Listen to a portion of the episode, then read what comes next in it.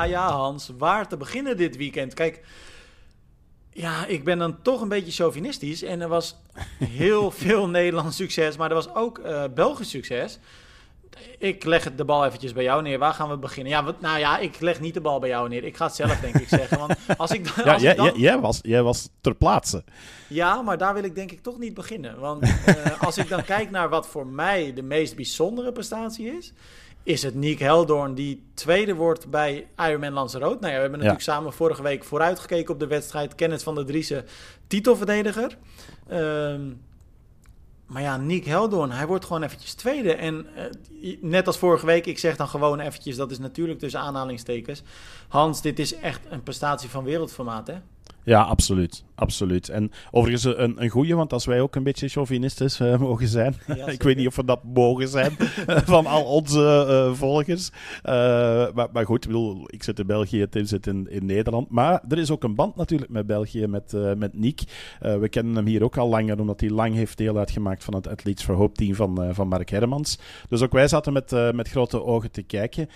nu, hij was ook wel door een aantal mensen genoemd. Hè. Jullie hebben hem zelf wat naar voren geschoven maar ook Kenneth van den Bijvoorbeeld, uh, een interview met ons dat hij met Nick een rekening hield. Dus hij begint stilaan wel naam te maken. Ja, en wat ik natuurlijk vorige week ook in de podcast zei, hè, daar hadden we het ook al over. Kijk, Nick Heldoorn is natuurlijk redelijk uh, kort geleden dat hij echt is doorgebroken op de lange afstand. Überhaupt begonnen is met de lange afstand. Hij maakte natuurlijk vorig jaar zijn debuut. Was super sterk, werd toen ook tweede op het Europees kampioenschap onder andere in Almere. Ehm, maar minstens zo belangrijk, hij won de Embreman en hij was sterk op de Alpe d'Huez. Ehm, en ik zei vorige week ook, hij is licht, supersterk en echt goed in die bergen. En ehm, wat ik zo knap vind aan zijn race, ik heb de, de wedstrijd natuurlijk via de, via de tracker uh, gevolgd. Uh, scorebordjournalistiek zou je ook weer kunnen zeggen. Maar uh, hij, Let's not go there. hij heeft heel slim gereisd, Hans. Want hij kwam uh, nou ja, net iets achter Leedlo, de koploper, uit het water. En de, de, de, de, het gat naar de mannen achter hem was iets van twee minuten.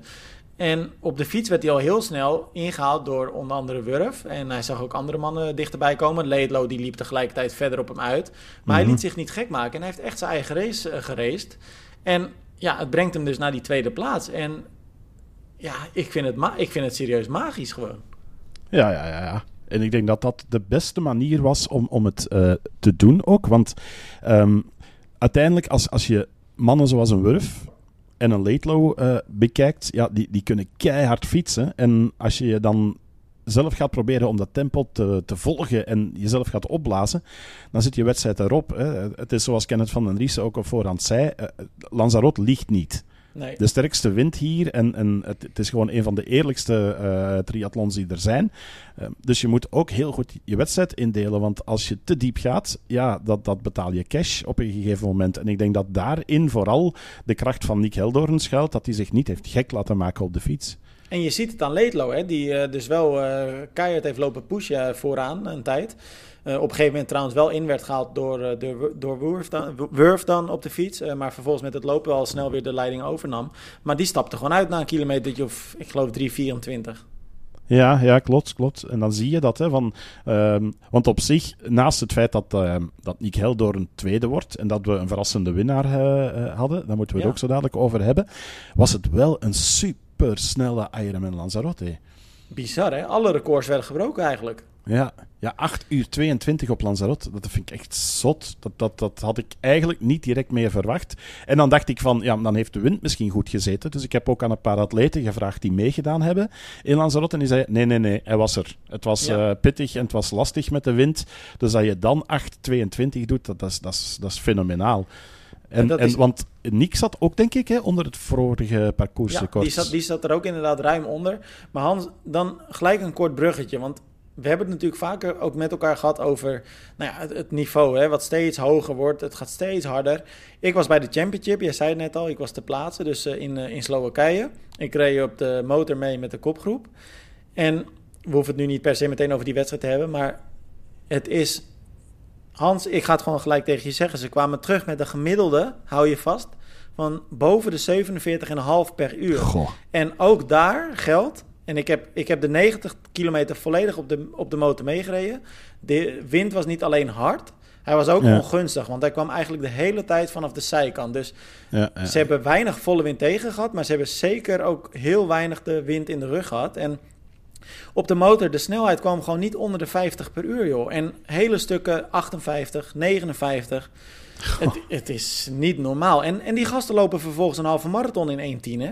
Ja, ja, dat vind ik dan nog het verrassende eraan. Van, dat je zo hard gaat op de fiets tot daar aan toe, maar dan nog eens die stevige loopproef erachteraan in, in snelle tijden.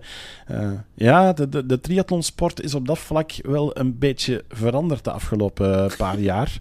Dus ik, ik vind het wel een, een, een zeer opvallende. Van, eh, dat, dat, weet je, ik denk niet dat dat eh, in, in de periode van, ja, roep maar eh, even een, een, tien jaar geleden, eh, dat iemand er toen aan dacht van met dit soort wattages en met dit soort snelle tijden in het fietsen de Ironman Lanzarote te bedwingen. Nee, nee, nee. Wa- wa- waar denk jij dan dat zoiets eindigt, Hans? Want ik, dat is natuurlijk sowieso een vraag die altijd reist. En als je nu, laten we zeggen, 50 of, of 100 jaar bekijkt, tijden worden altijd sneller in alle Ja. sporten. je, Alles gaat vooruit. En dat zal ongetwijfeld de komende 100 jaar ook door blijven gaan. Maar er moet toch ergens ook een keer een grens aan zitten, zou je zeggen? Hè? Ja, nou ja, we, we hebben het gezien vorig jaar. Oké, het was een beetje een kunstmatige wedstrijd, eh, maar grenzen zijn er om, eh, om gebroken te worden. Eh meeste progressie nog altijd in, in triathlon, dat is toen ook bewezen, is in het fietsonderdeel te maken. Ehm, dus ja, sub 7, dat kan. Hè, dat, dat, dat is ondertussen bewezen.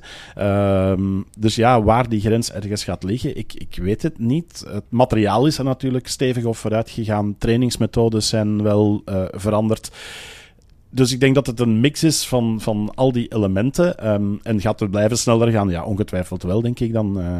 Ja, maar hoeveel nog? Ja, daar heb ik ook mijn vragen bij, eh, Tim. Want op zich, Ja. ja, het, het moet ook nog behapbaar blijven. En eh, ja, je moet voldoende talenten hebben die, die het goed doen in de drie onderdelen. En dat is ook wel iets wat ik tegenwoordig zie. Is ehm, dat er een heel sterke generatie is die echt de drie disciplines echt goed aankunnen. Ja, ja het, is, het is wat dat betreft, want ik sprak na de championship ook natuurlijk met, met, met een aantal van de, de best geclasseerde eh finishers dan. En ehm, kijk, het fietsonderdeel werd daar hard gemaakt eigenlijk eh, door vier mannen. Ehm, Aaron Royal, eh, Tom Bishop, Fra- eh, Frederick Funk en wie was de vierde dan? Oh ja, dat was eh, Margerie, de uiteindelijke winnaar. En er reden een paar gasten achter en dat zijn toch ook niet de minste namen. En die zeiden allemaal na afloop... We probeerden zo lang mogelijk aan te haken. Maar we dachten iedere keer... Nou, ze zullen het misschien nog een kilometer volhouden, dit wattage en deze snelheid. En dan Ja. een kilometer verder dachten ze... Nou, hooguit nog één kilometer. Maar die gasten die reden gewoon 90 kilometer Ja, constant door, joh. ja voluit. Eh, Dat, dat is niet normaal.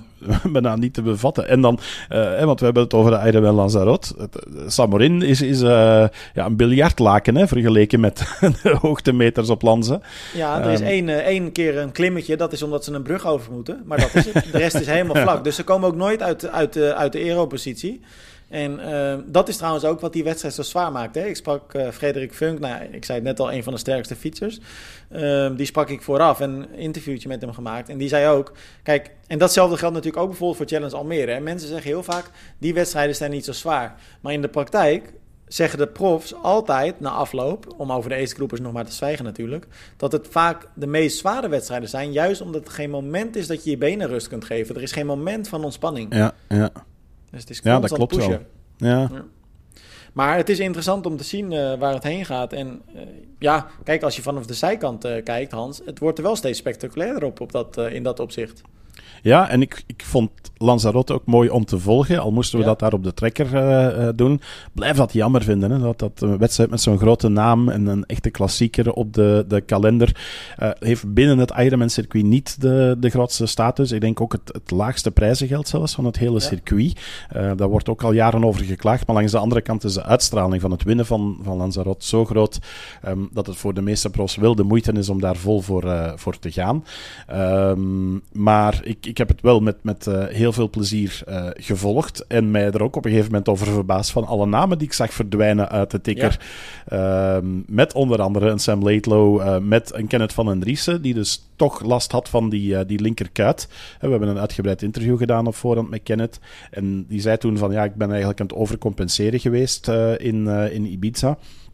Uh, door op die, die, die linkervoet eigenlijk vooral proberen te landen en te steunen. En daardoor had hij last van zijn kuit. En na vier kilometer uh, voelde hij de pijn erin en heeft hij besloten van te stoppen.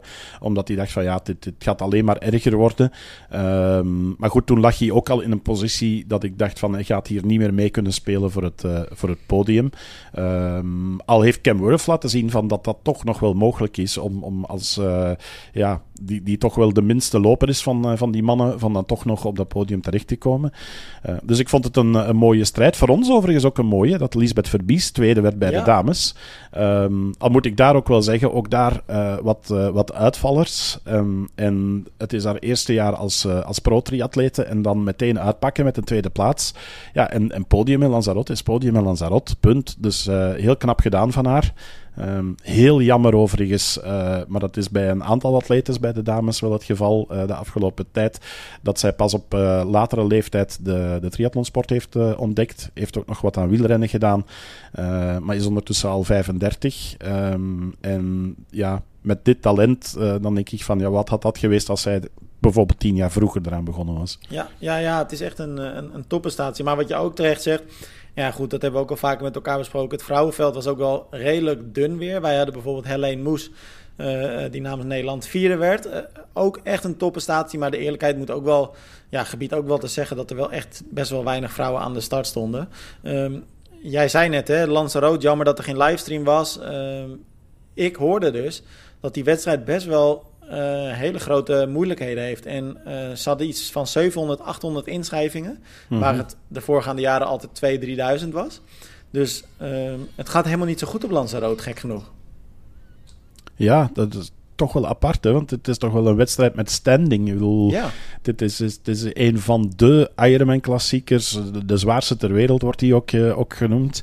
Uh, misschien net iets te veel bij de, de Europeanen. Hè? Er starten ook altijd veel Belgen, vrij veel Nederlanders ook in, uh, in Lanza. maar langs de andere kant, Tim, dat heb ik mij eigenlijk de afgelopen dagen al een paar keer beseft hoe druk was het niet dit weekend? Het is echt ongelooflijk hoeveel wedstrijden dat er zijn. Het is bijna niet te bij te houden, hè, eigenlijk. Ja. ja, want vroeger was eigenlijk Ironman Lanzarote was een beetje het begin van de, de Europese Ironmans. Hè. Goed klimaat op, uh, op Lanzarote. De eerste echt grote uh, lange afstandstriathlon van het seizoen. Uh, maar dat is het nu al even niet meer. Um, ja, je, je, make your pick. Hè. Ik bedoel, overal was er wel een challenge, een Ironman. En dan nog maar te, te zwijgen van de wedstrijden zonder label, de Belgische wedstrijden. Ja. Wij hadden ook nog eens een Belgisch kampioenschap qua triathlon. dus het was echt een, een super druk weekend alweer. Heeft soms nadelen, Hans, maar het heeft soms ook voordelen. En, uh, want dan kunnen we bijvoorbeeld naar, naar Lotte Wilms kijken, die uh, ingeschreven stond voor de Championship. Daar ook wel, in ieder geval wat mij betreft, gold als een van de favorieten. Uh, maar wat wil het, het nou ja, wat wil het feit? Namelijk dat ehm, het was behoorlijk koud geweest in Samorin de week voor de wedstrijd. En het, nou ja, het water was daardoor dus ook koud. En um, zo koud zelfs dat het een tijdje de 12 graden aangetikt heeft. Dus de dagen voor de wedstrijd was er sprake van uh, de mogelijkheid dat er geen zwemonderdeel zou plaatsvinden of eventueel een ingekort zwemonderdeel. Mm -hmm. En nou ja, dat is natuurlijk niet per se in het voordeel van Lotte Wilms, die echt uh, bekend staat als hele sterke zwemmer, die eigenlijk altijd als eerste uit het water komt. En wat heeft zij besloten na de persbriefing, of de, de prof, uh, profbriefing? Die heeft samen met haar coach uh, besloten om de auto te pakken en dus, nou ja, Slowakije te verlaten en rechtstreeks door te rijden naar ongeveer twee uur verderop. Waar ze vervolgens een dag later meedeed aan Challenge St. Polten. En de wedstrijd ook even won nog. Ja, dus, ja. maar het geeft atleten dus wel heel veel mogelijkheden nu om ja, toch nog te switchen dan. Ja, ja ik, ik, Eén, heel knap dat ze Challenge St. Polten uh, uh, wint. Ook een goeie, want dat is een beetje de, de thuiswedstrijd van het uh, PWAG-team ja. waarvoor zij raced. Christophe de Keizer, die, die daar ook deelnam, die zit ook bij dat PWAG-team. Die is on, on, um, overigens vierde geworden, een beetje ingestort in het lopen. Want daar dacht ik even van, van hey, hier zit een stunt in, die zou wel eens kunnen winnen. want hij was op pad op de fiets, of hij volgde, want hij zat niet helemaal mee vooraan bij Ruben uh, Zepuntke, de, de ex-wielerprof. En normaal gezien loopt Christophe ook altijd sneller dan, uh, dan Zepuntke. Dus ik dacht van ja, hier zit misschien wel een overwinning in. Maar dan heeft hij nog een klop gehad en is hij, uh, is hij vierde geworden. Um, dus best wel een mooie race. Goed dat Lotte daar wint. Maar ik denk dan van Tim, je verlaat de championship. En dat zou toch wel een beetje de wedstrijd moeten zijn. Hè? Dat, het is wel uh, een, een officieus WK, wordt het wel eens uh, genoemd. Uh, je moet je ervoor kwalificeren. En dan denk ik van, ja, ik, ik, ik, als ik een beetje advocaat van de duivel speel, toch wel een vreemde beslissing dat Lotte Willems dan zegt van, ook al zit er misschien niet de volledige 1900 meter zwemmen in, maar dat je zo'n prestigieuze wedstrijd verlaat om dan in, in St. Polten te gaan winnen, dat vond ik wel een vreemde keuze. Ja, persoonlijk ben ik het met je eens. Ehm, kijk, ik snap haar beweegreden heel goed. Aan de andere kant denk ik inderdaad ook.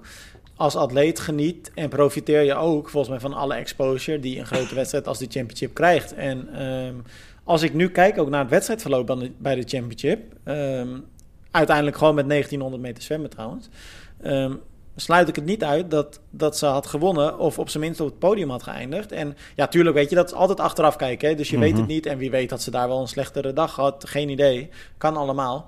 Maar ik denk dat de championship haar als atleet qua parcours eigenlijk veel meer ligt. En... Uh, maar ja, goed, kijk, ze heeft nu natuurlijk het geluk dat ze St. Polten heeft gewonnen. Dat vervelender geweest als je daar vierde of vijfde was uh, geworden. Uh, maar ja, ik ben het met je eens. Ik vind het ook een opmerkelijke keuze. Ze, zat er ook, ze vond het lastig, zei ze. Ik heb er gesproken. En uh, ze zei, ja, ik had hier heel graag gebleven. Alleen ik wil gewoon echt een triathlon doen. Uh, ja. En ja, uh, oké, achteraf had ze dat dus ook kunnen doen in Slowakije. Maar dat wist ze toen nog niet. Mm -hmm. En vandaar die, die keus dus. Ja, ergens ja. snap ik het. Aan nee, daarom, die, die, die keuze snap ik wel. Langs de andere kant, ik zeg het, is het een prestigieuze wedstrijd die je verlaat. Um, ja, ja, ik, ik, uh, ik, ik vond het op zijn minst een vreemde, maar goed, ze heeft met de benen geantwoord. Um, dat is altijd de beste manier. Uh, en, en St. Polten gewonnen, dus dat heeft ze goed gedaan. Nu, jij was in, in San Marin, uh, je zei het daarnet. Hoe, hoe was het championship? Het was echt heel erg tof, moet ik zeggen. En um, zowel bij de mannen als bij de vrouwen echt een hele spannende wedstrijd. Die echt tot in de laatste meters eigenlijk spannend bleef ook. Vooral om de posities 2 en 3.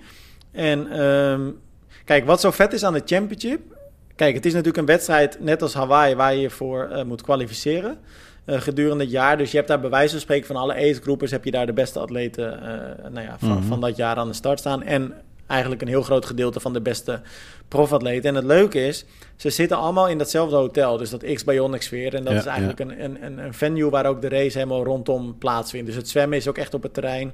Het fietsen is dan wel inderdaad een ronde. Maar het lopen is vervolgens weer vijf rondjes over, nou ja, over dat terrein. Wat eigenlijk een heel groot uh, paardensport-evenemententerrein is. Het is echt heel luxueus ook. En... Um, maar wat het leuke daarin is, is dat als je dus in de eetzaal zit of in de lobby, je komt altijd nou ja, honderden atleten tegen, inclusief de profatleten. En nou ja, we hadden het vorige week een beetje over de toegankelijkheid hè, van profatleten. Ja, nou, ja. als ze ergens heel erg benaderbaar zijn, is het bij de championship. En ik vind dat echt heel tof, want kijk, niet alleen ik als nou ja, journalist, zeg maar, uh, uh, maak praatjes met die atleten. Maar je ziet ook gewoon dat, dat die profatleten daar met de ace-groepers op de foto gaan. Of samen zitten te eten. Of uh, een handtekening uitdelen. Dus dat zijn, dat zijn echt wel hele leuke dingen. En dat maakt het voor mij heel bijzonder. Uh, je hoort ook alle atleten zeggen dat de championship eigenlijk veel toffer is en veel sfeervoller dan uh, Kona. Uh, dus dat vind ik ook wel iets zeggen. En ja, ik vind het vet om daarbij te zijn. En voor mij persoonlijk is het, is het sowieso een hele leuke dag. Omdat ik gewoon weer met al die profatleten... Uh, weet je, met het zwemmen kan je meelopen. Dus je staat vol op de actie. Uh, en het fietsen heb ik vervolgens op de motor gedaan. En bij het lopen zie je ze natuurlijk, uh, nou ja, vijf rondjes. Dus zie je, ja. ze, zie je ze constant voorbij komen. En ja, na afloop natuurlijk de interviews. Dus, dus, dus tof. En ja, ik vind het genieten, Hans. Ik vind het echt een prachtig evenement. En... Uh, het enige nadeel wat ik zelf vind aan de locatie is. Uh, ja, ik zit liever op een strand in, in Hawaii, zeg maar, dan dat ik in, uh, in de, in, nou ja, onder de rook van Bratislava zit. Ja, ja. maar, Le leuk stadje overigens, Bratislava. Ja, zeker, zeker, zeker. Maar het is, nee, dus wat dat betreft, ik vind het echt, als ik een advies mag geven en je mocht je een keer kwalificeren voor de championship, ik zou die kans met, met beide handen aangrijpen om te gaan, al is het alleen al om de ervaring. En uh, over, over de championship gesproken, Hans. Ik moet heel eerlijk zeggen, Pieter Hemerijk Hij werd Ik wou net vierde. vragen. Ja. Ja, en hij had niet het beste wedstrijdverloop, want hij had de pech dat hij eigenlijk ja, de aansluiting met de kopgroepen op de fiets eh, ja, net miste. Hij kreeg het gat niet dicht, dus hij heeft, op de fiets heeft hij steeds in een tweede achtervol of ja, in de eerste achtervolgende groep gezeten, de tweede groep dus. En eh, dat was een klein groepje, drie man. Eh, uit mijn hoofd weet ik eventjes niet meer wie het waren. McNamee sowieso. En wie dan de derde? Oh ja, en eh, die Fransman. Ehm Costas. Dus Ja, die zaten ja. met z'n drieën eh, in de achtervolging. En, maar Hans, ik heb Pieter geloof ik nog nooit zo hard zien lopen, joh. Ja, Hij was- hij, Echt bizar hard aan het rennen. Het was echt krankzinnig. hij had een goede looptijd. Hij is nog heel dichtbij gekomen ook eh, bij het Ik, ik, podium. heb, ik, ik heb gelijk even de looptijden nu opgezocht. Hij heeft de tweede looptijd van iedereen. Mhm. 1.10.55. En Ja. alleen de Italiaan Fabian Alessandro, Ja. die was sneller. Die is uiteindelijk negende geworden. Die liep eh, nou, 19 seconden sneller. Dus, maar als ik dan bijvoorbeeld naar de top 3 krijg, top 3 kijk, eh Mathies Magiré, de winnaar, 1.12.43. Aaron Royal, nummer 2, 1.14.02. En dan de derde, eh Frederick Funk, 1.14. Ja. Dus Hemerijk heeft gewoon, nou heel snel gerekend, eh, eh, ruim drie minuten ingelopen op, op de nummers 2 en 3. En het, het toffe was, Hans, ja, ik vond het Pieter echt de smaakmaker van de wedstrijd wat dat betreft. Want elke ronde dat ze, terug, dat ze voorbij kwamen, zag je dat het gat kleiner werd. Ja, dat wordt En- dus spannend. Ja. Ja, het werd echt spannend. En nou ja, ik, ik kan het volgens mij niet vaak genoeg herhalen. Ik heb nog nooit, ik heb bijna nog nooit iemand zo hard zien rennen. En elke ronde dacht ik, het gaat zo hard, die gaat gewoon instorten zo direct. Maar nou ja, hij stortte niet in. Hij- het ging maar door, joh. En nou ja, jammer voor hem. Hij kwam net tekort. Hij, hij is een halve minuut tekort gekomen om eh, Funk dan nog in te halen. Dus hij heeft net het podium gemist.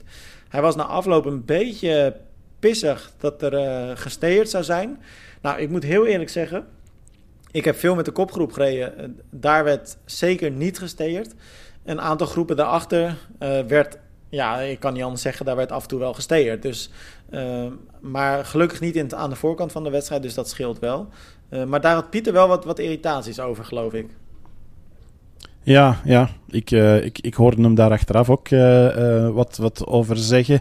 Ehm, ja, ik, ik weet niet in hoeverre dat het, eh, dat het klopte, eh, maar het is wel een heel mooi bruggetje om te maken. Overigens, ik was nog even aan het kijken, want je noemde Alessandro Fabian. Dat is natuurlijk eh, een, een van de top-Italianen op de Olympische afstand Mhm. geweest. Die ondertussen, zag ik ook, Italiaans kampioen is op de, de middenafstand. Maar volgens mij is hij ook Europees kampioen geweest, maar dan al een heel aantal jaar geleden.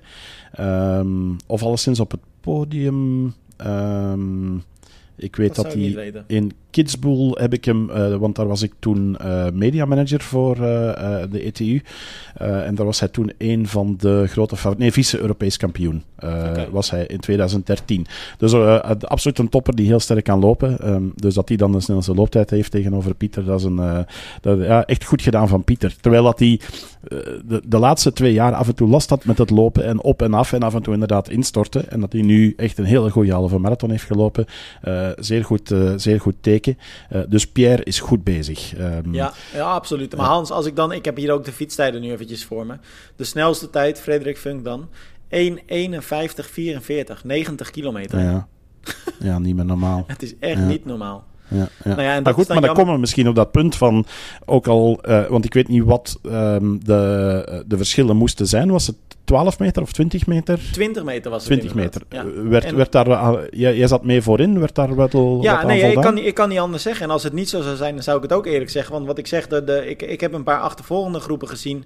Niet de groep van Pieter hoor, laat dat duidelijk zijn. Maar daar werd, werd zeker niet op 20 meter gereden. Daar werd echt wel veel dichter op elkaar gereden. Maar de kopgroep hield echt netjes die 20 meter afstand. Dus wat Ja. da- nou ja, dat heb je ook op de livestream kunnen zien. Dus wat dat betreft ehm, kun je ook gewoon checken dat, dat het echt zo is. En, eh, dus, dus wat dat betreft eh, top. Wat me opviel, ik vond dat er een beetje weinig eh, jury op het parcours was. Dus Ja, dat helpt het natuurlijk ook wel een beetje in de Mhm. hand dat de, ieder geval de profatleten de, de randjes en de grenzen gaan opzoeken.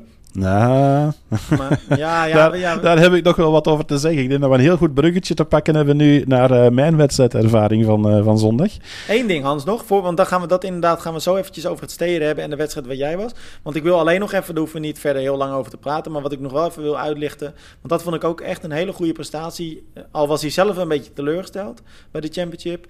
De Nederlander Juri Keulen natuurlijk, die zevende werd. En Ja. Eh, ehm, die liep ook gewoon, gewoon ook weer tussen haakjes, 1.11. En nou ja, Jury had de pech dat hij een heel slecht zwemonderdeel had, waar hij uh, zo'n twee minuten verloor. Hij had wat last van het koude water. En heeft vervolgens, naar eigen zeggen, een van zijn beste fiets- en looponderdelen neergezet. Nou ja, hij fietst 1,55, loopt 1,11. En ja, dus dat is echt goed. En hij zei achteraf, ja, ik heb mezelf heel erg tekort gedaan met het slechte zwemonderdeel. Maar uh, nou, wilde ik even gezegd hebben, nog zevende. dus uh, kijk, als je zevende wordt bij de championship, natuurlijk ook echt goed. En, uh, en overigens ook nog... negende. En, en nog uh, shout-out naar uh, Lisbeth Leijzen en uh, Patrick van ja. den Broeke, die alle twee goud hebben gepakt en dus officieus wereldkampioen op de championship zijn in hun agegroep. Um, ja. Want ik kreeg nog een berichtje naar aanleiding van onze vorige aflevering van Orion de Vriend. Die, die zei van, want dat was vooral om uit te leggen dat we Kaorle toen hadden verkeerd uitgesproken. Niet Kaorle, maar het moet Kaorle zijn. Okay. met de nadruk op de A blijkbaar. leuk weetje, dan weten we dat ook weer meteen. maar hij zei ook van, hij is zelf ook agegroep atleet. En hij zei, ja, het, het, klopt wel dat wij als agegroeper vaak uh, de, de, verhalen van de agegroepers uh, daar meer aandacht aan besteden dan, dan de pro's. Het is tof om met ze te racen, uh, maar het zijn vooral die agegroeps die vaak um, ja, inspireren en daardoor kijken we daar soms wat meer naar op. Um, dus bij deze shout-out naar, naar Lisbeth en naar Patrick die, die goud hebben gepakt. Ja, nou ja, en, en Hans, dat is wat mij betreft ook helemaal terecht. Want ook als je de wedstrijd als agegroeper wint, dan moet je echt wel wat kunnen hoor. Als ja, je de championship wint. Dus uh, ja, oké, okay, bruggetje. Uh, Steer hadden we het over. Ja, en uh, de ja. wedstrijd waar jij was, was ja, dat was uh, Biels, hè? Ja, inderdaad. De Illumin 111 van, van Bielsen. ondertussen ook wel een klassieker. Wedstrijd die meer dan tien jaar bestaat. maar waar bij, ja, eigenlijk ook al tien jaar een beetje de waas van, van Steer-wedstrijd overhangt. Um, nu, ondertussen hebben ze daar alles aan gedaan om het draften tegen te gaan. Er is een rolling start in het zwemmen. Het is maar 1000 meter zwemmen, maar goed, met die rolling start trek je het veld al wat uit elkaar. Vroeger was het vijf ronden fietsen, nu zijn het er drie. Um, verder hele mooie uh, omkadering. Uh, toffe wedstrijd, goede sfeer aan een, een, strandbar naast het kanaal. Goed weer erbij, dus alle ingrediënten waren er. Maar tot mijn ontstelling zag ik aan de overkant van het kanaal en op een gegeven moment ook bij de fietspassages vlak voor ons echt hele pelotons van, van meer dan 20 man voorbij komen, waar opvallend veel werd. En natuurlijk kreeg je dan op uh, ons artikel uh, op Facebook de nodige reacties van ja, maar ja, sta je wedstrijd en iedereen zit te draften. En dan denk ik ja, maar dat begint bij jezelf. Want ik bedoel, het, ik denk niet dat, dat het allemaal koplopers waren uh, uit zo'n draftinggroepje die gereageerd hebben. Er zullen ongetwijfeld ook wel mensen tussen zitten die zelf ook zo op een gegeven moment iets hadden van ja, ik zit hier binnen de draftingzone en, en ik, ik raak er niet, uh, niet uit. Ik denk dat we daar ook nog een boompje over moeten, uh, moeten opzetten. Jij, jij stoort je er ook echt aan, hè? geloof ik, heb ik wel het idee. Ja, ja weet, weet, ik, ik stoor me vooral aan het feit van er zijn superveel non-draftingwedstrijden. Zeker in België, dat is een ding. We zijn ook een land wat, ja, wielrennen is hier met de paplepel ingegoten bij de meesten. Um, dus het fietsen blijft by far, denk ik, bij de meeste Belgische triatleten het favoriete onderdeel. Uh, en ze willen dus graag non-drafting doen, want dat is eerlijk en zo was triathlon vroeger en dat is man tegen man. En dan heb je organisatoren die hun best doen om een non-drafting race te organiseren. Uh, en dan krijgen die achteraf dan het deksel op de neus, uh, doordat mensen zeggen van uh, ja, maar ze zetten niet genoeg referees in en ze doen te weinig en het parcours is, is te draftingvriendelijk, dus iedereen gaat draften. Dan denk ik van nee, dat begint toch bij jezelf. Jij kiest voor een non-drafting race, ga dan niet draften. En maak er maar, anders een drafting triathlon van. Ja, maar als ik dan advocaat van de duivel speel, um, en dan heb ik dus niet specifiek over Bielsen, maar gewoon het, het, het fenomeen draften, steren. Als je dan Kijk, ik heb ook wel eens wedstrijden gedaan dat je... Ik, ik, denk dat ik, dat ik best wel eerlijk kan zeggen over mezelf dat ik niet aan steren doe. En kijk, voor mij is het natuurlijk ook niet zo interessant. Hè? Ik zal een wedstrijd niet winnen als aidsgroeper. Dus ik ben gewoon bezig met mijn eigen persoonlijk record verbeteren. Of nou ja, bepaalde doelen halen. Maar het zal mij worst wezen of, of Jan nog net iets voor me zit of niet, zeg maar. Als ik maar mijn eigen doelstelling haal. En, um, dus ik ben niet zo bezig met dat als iemand me inhaalt dat ik denk van... Oké, ik, moet, ik moet in zijn wiel gaan zitten, want dan ben ik vijf seconden sneller. Ik wil het gewoon een persoonlijke een persoonlijke prestatie leveren. Maar de eerlijkheid gebiedt me toch te zeggen dat als je. Het, het, is ook, het kan ook gewoon verleidelijk zijn om, al is het maar heel even, aan te haken. Zodat je gewoon weet van oké, okay, ik kan heel even een minuutje herstellen of zo. Maar als je dat een minuutje doet, bij wijze van spreken, dan is het natuurlijk ook heel lastig om tegen jezelf te, te, te zeggen van oké, ik laat ze nu gaan en ik kom wel weer helemaal Ja. zelf in die wind te rijden. Want je weet gewoon, het, het gaat een stuk Mhm. zwaarder worden. Dus in hoeverre, ja, ik, je zou ook kunnen Ja, en zeggen, je, oké, je ziet het ook rond je gebeuren. Ik denk dat Precies. dat vooral het ding is dat dat eh, bij veel atleten dan eh, ervoor zorgt dat ze de knop omdraaien en zeggen van ja, dan, dan blijf ik ook maar zitten. Eh, Ja. Maar als iedereen dan dat begint te denken, ja, dan krijg je echt gewoon groepen. En Ja, dan denk ik ook van ja, waar zit dan de eerlijkheid in en waarom wil je toch types dat dat non-drafting hebben? Ehm, dus ik, ik, ik blijf dat altijd een vreemd verhaal vinden. en vooral ook de uitleg achteraf van ja, maar er waren niet genoeg referees. Eh, nu, er waren motards ingezet, eh, wel zonder referees achterop, maar eh, de motorrijders die, want dat is een, een Nederlands team dat daarvoor zorgt. Die hebben de vorige jaren daar ook meegewerkt en die mogen zelf kaarten uitdelen. En die hadden nu de opdracht gekregen van zich vooral te focussen op de kop van de wedstrijd, zeg maar de, de, de top 10, top 20. Eh, en daar had ik ook de indruk dat het allemaal redelijk eerlijk verliep. Maar daarachter kreeg je dan natuurlijk ja, grote groepen. Ehm, wat ik dan ook nog eens een, een eh, opvallend fenomeen vond, wat ik ook wel meer en meer zie, is dat in de groepen mannen ehm, ook de vrouwen zich eh, wat eh, lieten meevoeren. Natuurlijk lastig, want ook dat zie ik vaak. Als een vrouw probeert de mannen voorbij te gaan, doen die alle moeite van de wereld om die te volgen Ja. of er terug voorbij te gaan. Dat is ook wel een dingetje. Ja, ja, ja. Maar wat, wat is de oplossing dan, Hans? Want ja, het is heel lastig. Ja, ik, ik denk dat atleten vooral eens moeten in, in eh, diep in eigen boezem kijken. Van, eh, ben ik heel eerlijk en, en wil ik echt non-drafting doen? Of misschien eens gaan kijken van, oké, wat zou het zijn als dit gewoon een draftingrace wordt? En ik had ook de indruk in Bilze dat... bedoel, achteraf op social media was er wel wat commentaar. Maar op de wedstrijd zelf had ik ook de indruk dat redelijk wat mensen er ja, een beetje vrede mee hadden. Zo van, ja, iedereen is het aan het doen. Eh, het is een leuke dag. eh, het is zomer. Het is een mooi parcours. eh, leuke finish, dikke sfeer. Ehm, dus toch nog een, een, een mooie triathlon. Ik denk de, de enige die zich echt slecht voelden waren dan de, de echte hardrijders of de mannen die toch probeerden zich op kop te zetten. Maar die zeiden ook van, ja, als je erover gaat, dan komen ze terug tot op je wiel. Laat je je afzakken. Dan zie je zo'n grote groep wegrijden en dan is het wachten tot de volgende groep weer bij jou komt aansluiten en dan heb je weer hetzelfde. Eh, je moet enorme inspanningen leveren aan wattages om zo'n groep voorbij te gaan. Dus ik Ja. snap ook dat één keer als het bezig is, is het een lastige. Ehm, maar het feit ook van dat ik zelfs groepen zag waarbij motards bijkwamen. ehm, en achteraf werd ook gezegd van ja, maar ja, ze namen niet eens de moeite om eh, eh, nog kaarten uit te delen. Af en toe werden mensen wel gewaarschuwd. Ik heb het door de microfoon een keer of tien geroepen. Eh, vrijwilligers die er stonden, die hoorde ik roepen naar de atleten van afstand houden, afstand houden. Ehm, maar nee, dat, dat, dat hielp allemaal niks. Eh, dus ja, ik, ik blijf dat een vreemd... Er zijn niet echt alternatieven, tenzij dat je zegt van ja, we gaan naar een drafting triathlon. Maar ja, Ja, dan precies, wil de meerderheid niet meedoen. Maar, maar die discussie is best een interessante. Want er zijn, die discussie wordt natuurlijk best vaak gevoerd. Kijk, als je, je, je zou kunnen zeggen... eh, we gaan gewoon een lange afstand triathlon. Maken we gewoon eh, nou ja, drafting legal. Je mag gewoon draften. En ehm, ik persoonlijk zou er geen problemen mee hebben. Dan denk ik, nou, ik hou me gewoon aan de, aan de regels die daar gelden. En als een organisatie zegt niet steden, nou prima, dan doe ik het zelf. Als het wel steden is, ook prima. Het maakt je wedstrijd wat makkelijker, maar dan geldt dat voor iedereen. Ja, ik, ik vind beide prima, dus. Ja, ja. ja, dan zit je natuurlijk, want dan moeten er een hoop regels aangepast worden. Want dan eh, in een draftingrace mag je dan weer niet met tijdritfiets starten Nee. en dergelijke. Ehm, dus daar, daar is ook nog wel wat voor, eh, voor te zeggen. Nee, ik, ik heb de oplossing ook niet, niet direct eh voorhanden. Het, het is gewoon, het, het enige wat ik meteen had is van, ja, het begint volgens mij bij de atleet zelf. Ja, Ehm, en als je niet wil draften, dan ga je gewoon niet draften. En, en laat je wat uitzakken of probeer te versnellen of, of zet je op de andere weghelft, weet ik veel. Maar, en, en ik weet dat dat, zelfs al heb je goede bedoelingen en je komt in zo'n grote groep terecht, dat het frustrerend kan zijn.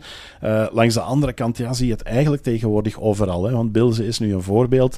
Eh, ik ben jaren geleden ook naar de Ironman Barcelona geweest. Ik denk dat dat het type voorbeeld is van een eh, non-drafting triathlon met mega grote pelotons, met, met, met groepen van, van 100 man die je daar ziet voorbij komen. Daar zie je ook de sterke fietsers heel hard van hun oren maken.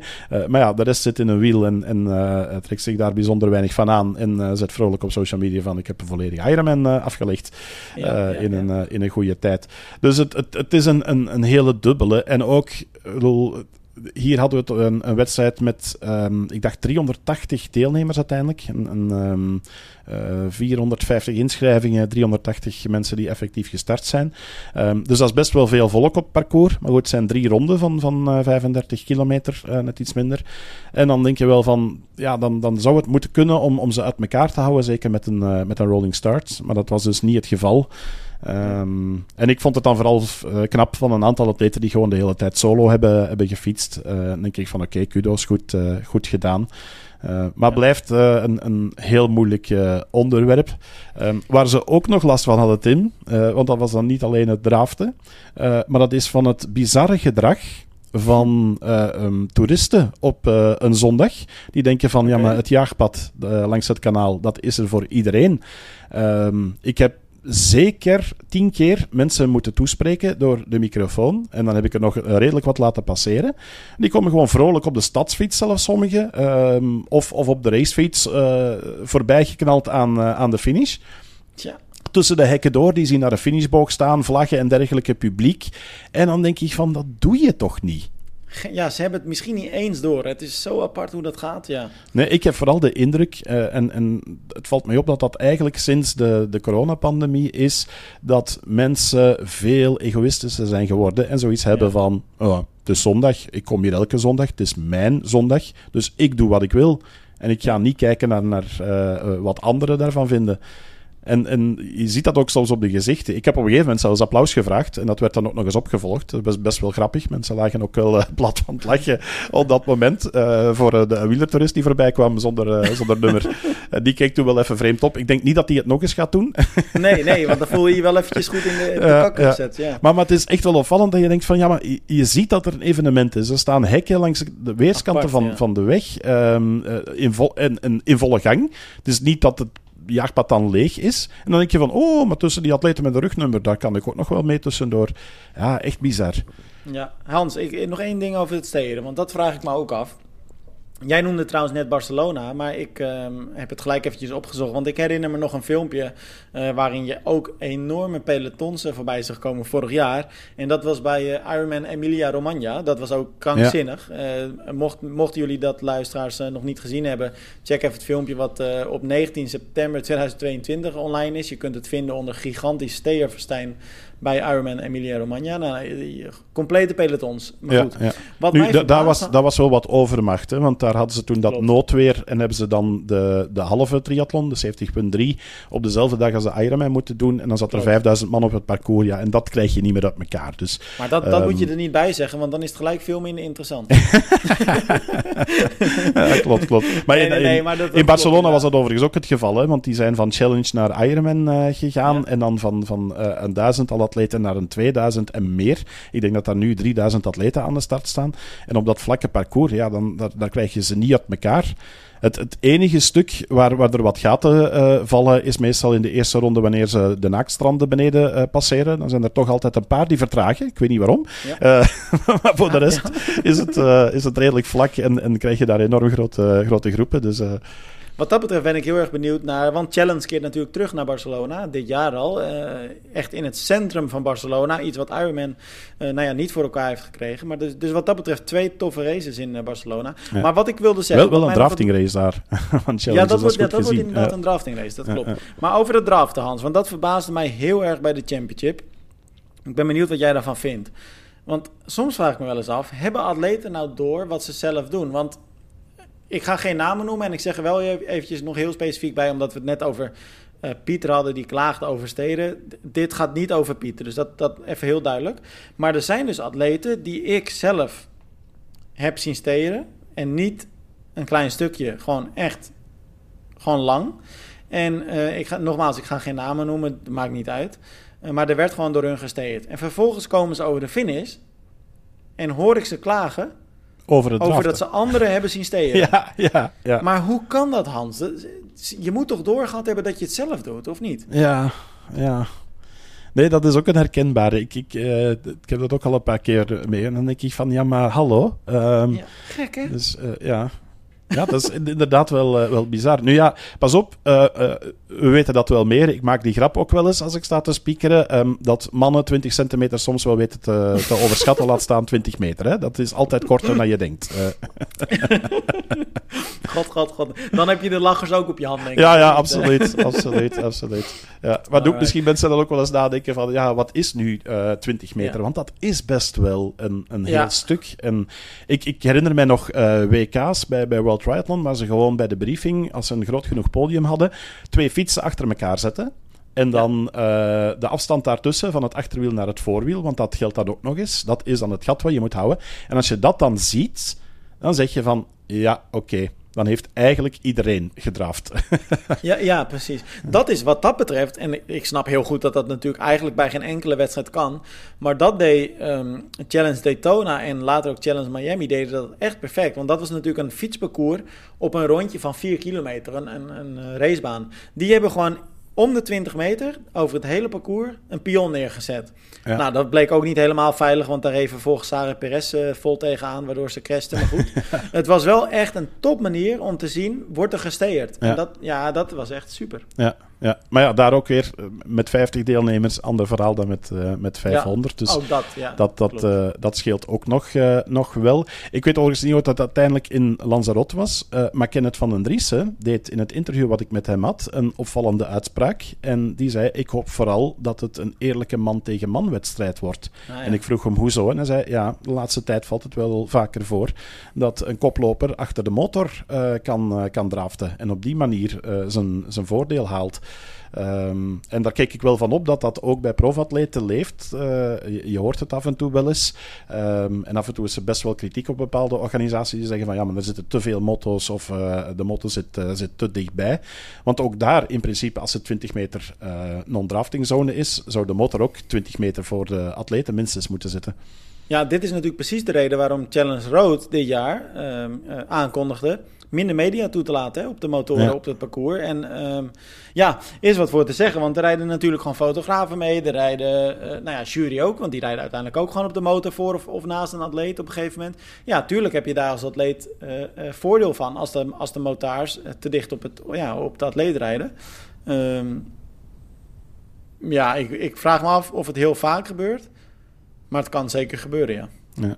Maar ik denk dat het uiteindelijk een heel uh, eerlijke strijd is, uh, is geworden uh, in, in Lanzarote. En in Bilzen overigens ook hoor, want daar valt aan de, de top 10 weinig aan af te dingen. En zeker niet aan winnaar Dieter Komher. Die heeft dat uitstekend gedaan. Ook Katrien Verstuift, die, die een hele tijd alleen heeft, heeft gezeten. Um, dus dat is wel een, wel een goeie. Die kreeg wel een man achter zich aan. Dat heb ik dan nog op, op Strava gezien. Dat was best wel leuk om, om mee te volgen. Ik denk Bart van Oorbeek dat het, dat het was. Okay. Um, die ongeveer dezelfde. Um, uh, hoe moet ik het zeggen, dezelfde gegevens had op, uh, op Strava als, uh, als Katrien. Dus die hebben een tijd bij elkaar ah, in de buurt gezeten. Um, terwijl Bart overigens ook een goede fietser is. Dat geeft aan hoe hard dat Katrien gefietst heeft. Want ik dacht dat hij op de 100 kilometer 2 uur 30 had gedaan. Goh. Heb je in Bills eigenlijk, want jij zei net, hè, rolling start. Is het dan wel zo dat de winnaar ook echt als eerste over de finish kwam, of was dat niet het geval? Ja, ja dat was wel het okay. geval bij de mannen. Um, dus daar uh, had ik ook gevraagd dat de favorieten zich vooraan zouden, zouden zetten. Ik zeg, jongens, uh, uh, je mag misschien voor jezelf er een tactische race van willen maken, maar voor mij en voor het publiek ja. liever niet. dan, dan is het toch eerlijker als je tegen elkaar raced. bij de dames was Steffi Jansen, de Duitse, die derde werd. Die was wat later van start gegaan. en die is uiteindelijk derde geworden, terwijl de dame voor haar Cindy Lefebvre als derde binnenkwam. Die door ah. mij ook als derde werd onthaald. En dan een paar minuutjes later was ze vierde. Dus die keek wel heel beteuterd. Ik heb haar ja, nog getroost met de woorden van... Je, je hebt vier minuten lang podiumplaats te pakken gehad. Geniet daarvan. Je hebt een goede wedstrijd neergezet. Het is rolling start, dat gebeurt. Uh, maar dat was wel zuur voor, uh, uh, voor Cindy. Um, ja. Maar ja, Steffi, ja, dat, dat, ik zeg het normaal gezien... Dat geeft ook weer aan dat de wedstrijd bij de dames in de breedte minder sterk bezet was. Um, had ik die niet meteen als, als podiumkandidaat gezien. Dus ehm, ja, dat, dat, dat, krijg je dan. Die denken dan, ik start wat later, misschien minder de zwemmer en wil wat uit het gewoel. Maar een hele sterke loopster die, die nog een goede 10 kilometer heeft neergezet gezet.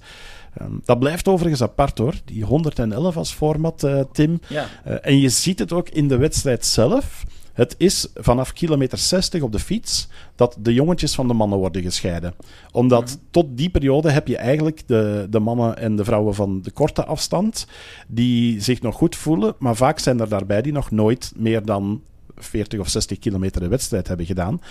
En dan echt beginnen te voelen van wow, weet je, dit gaat toch naar middle distance toe en dan moet je nog maar 10 kilometer lopen, maar je benen zitten helemaal kapot van de inspanningen op de fiets. Dus het, het is een heel apart format en, en je ziet het wel vaker, ook mannen die mee voorin zitten, dat die plots na 60 kilometer fietsen een tik van de hamer krijgen en dan uh, toch nog wat plaatsen uh, kwijtspelen.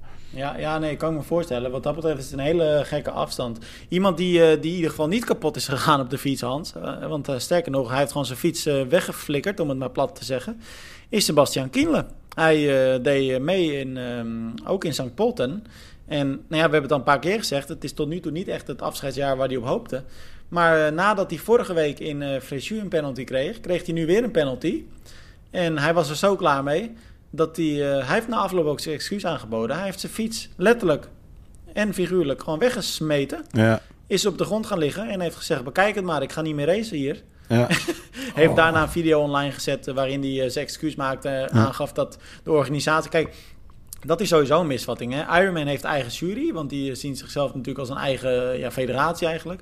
Challenge in dit geval, um, die huren gewoon uh, jury in. Dus dat, Challenge is de slechtste organisatie, die, die is niet verantwoordelijk voor de jury.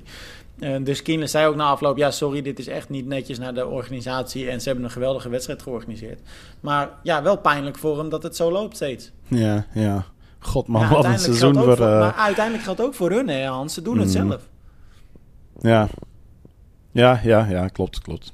Ja, ja ik, ik, ik, uh, ik, ik, heb het, ik had het zelf nog niet meegekregen. Ik heb het wel uh, uh, bij jullie zien, zien passeren. Er een, een, een, een, uitspraak over op social media, dacht ik. Um, dus ik heb zelf op het moment nog niet gezien dat hij zijn fiets weg, wegsmeet. Ik kan me wel voorstellen dat ze dan bij Scott op het hoofdkwartier ook even gedacht hebben van... hallo jongen, het is niet ja. dat ze plasma, de, de Scott Plasma bij Hopen in, in stok hebben staan. Dus, nee, het zijn, geen fietsen, het zijn geen fietsen van 500 euro. Nee, voilà, voilà. Dus ja, nee. daar, daar zullen misschien wel een paar mensen de wenkbrauwen gefronst hebben. Dus, hey, hoe, is, hoe is het met jouw benen, Hans? Want we hebben op 14 juni uh, gaan we met elkaar uh, de Nederlandse bergen beklimmen. Ja, ja. Ja, ik, ik kijk er naar uit om, uh, om mee te fietsen. Langs de andere kant, ik ben niet het klimmerstype. Dus ik... Uh, ja, maar het is met, met wat hoor. gezonde vrees uh, dat ik er naartoe trek. ja. ja, maar wel tof. Want wat we gaan doen is dat we met, nou ja, met een leuke groep... gaan we naar de Shimano Experience Center in Valkenburg. Ik, ik, moet heel eerlijk zeggen, ik ken het niet. Het schijnt best wel heel tof te zijn. En daar zet Kenyon een aantal fietsen voor ons klaar. En nou ja, gaan we lekker ja, in ieder geval een gedeelte van de Amstel Gold Race lekker volgen. En ja. ja. gewoon lekker toeren. Dus ik denk dat het een leuk dagje kan worden. Ja, ik ga proberen ergens een kommetje op het vlakke te pakken. nou, dan ga ik in je... Ik ga steden gewoon, hoor. hey Hans, we kunnen moeilijk echt alles van dit weekend bespreken, want er was ja. gigantisch veel. Ja, ik, ik wou nog ik wel heb... even... Ja. Heel kort, dat is iets minder, voor de, minder interessant misschien voor de Nederlandse luisteraars, maar wij hadden het Belgisch kampioenschap kwartriathlon in, in Libramont. En daar heeft Simon de Kuiper zijn zesde titel gepakt op de kwartriathlon, zijn elfde titel in totaal. Um, toch wel een beetje een verrassing, um, want ja, hij wordt altijd tot de favoriete gerekend op een, uh, op een BK. Uh, maar nu waren er toch wel een paar andere namen die, die echt topfavoriet waren. Maar hij heeft echt een hele goede wedstrijd neergezet. Hij kan altijd wat meer in een kampioenschap. Uh, maar hij heeft er nu zes gewonnen. Um, ja, en dat is best wel, uh, wel indrukwekkend. Um, het record staat nog altijd op keizer Karel Blondeel, uh, die in hele andere tijden acht keer de titel heeft gepakt op de kwartriathlon. Um, ik sprak uh, Simon nog zondagavond en ik zei hem tegen, ik zeg, het begint nu wel dichterbij te komen. En ja. zei, dat gaat moeilijk worden. Hij zei, maar ja, je weet nooit. maar goed, hij is al een stukje dus in de dertig. Hij gaat er wel voor. ja, hij gaat er sowieso voor blijven gaan. En, en hij kan perfect zo'n kampioenschap indelen. heel tactische race ook van zijn ploeg. de mannen van, van SMO Scott uit Sint-Laurens die zondag hun, een thuiswedstrijd uh, hebben daar. Ja, die, die zaten met vijf in de top 8. Dus dat zegt ook wel wat over hoe ze de wedstrijd daar gedomineerd hebben. Um, dus knap gedaan. En Katrin Maas die pakte de titel bij de, de dames na een lange solo. die had drie dagen eerder gewonnen in Isegem. Ehm, en dan drie dagen later Belgisch kampioene worden. Ehm, ze is naast triatleten ook nog eens dokter. Dus ik, ik vind dat echt wel indrukwekkend dat je dan Ja. eh, die, die twee combineert en, en eh, kampioen wordt. Ehm, dus dat was best nog wel mooi. Dus dat wil ik nog even meegeven. Voor, eh, ehm, en misschien dat de Nederlandse luisteraars eh, eh, dan, dan Simon en Katrien ook wat beter leren kennen. En zeker Katrien. Ehm, want ook met haar had ik een interview. En welke wedstrijd gaat zij volgende week doen, Tim? Ja, je hebt het me verteld, maar ik moet heel eerlijk zeggen, het is mij ontschoten. Je de Afrika Cup in. Tunesië. Oh, ja. En ze had blijkbaar onze podcast vorige week gehoord. En ze zei, maar het is wel een heel sterk bezette deze keer. Maar ik vind het heel leuk om te zien dat daar gelijk dan de humor in wordt gezien. En ehm, ja, het is echt een beetje een running gag geworden eigenlijk. Hè? Want ik Ja. werd er ook al op aangesproken. Dus Afrika Cups, dat, dat zijn echt de wedstrijden waar je nu moet zijn gewoon eigenlijk. Ja. ja, wij kregen zelfs al eh, eh, tips door voor een nieuwe intro-muziek. Afrika van Toto. Eh, maar sorry, die kunnen we niet doen, want dan moeten we copyrights betalen. Dus dat, dat ja, gaat er maar niet worden. ik denk dat wij inmiddels, als we, als we zo doorgaan, Hans, die, die, die luisteraars, het blijft maar stijgen. Dus we, ja, dat, dat is geen probleem. Dat kunnen we makkelijk betalen. Dat, Hans, ik vond het leuk je weer even gesproken te hebben. En ehm, nou ja, jij zei net heel terecht, het was een gigantisch druk weekend. Gaat aankomend weekend niet anders zijn. Hè? Onder andere Cagliari WTCS. Dus ehm, Ja, we hebben volgende week weer meer dan genoeg ook eh, te bespreken. Dus, eh, absoluut. alright, Hans, spreek ik je dan? Yo, tot de volgende.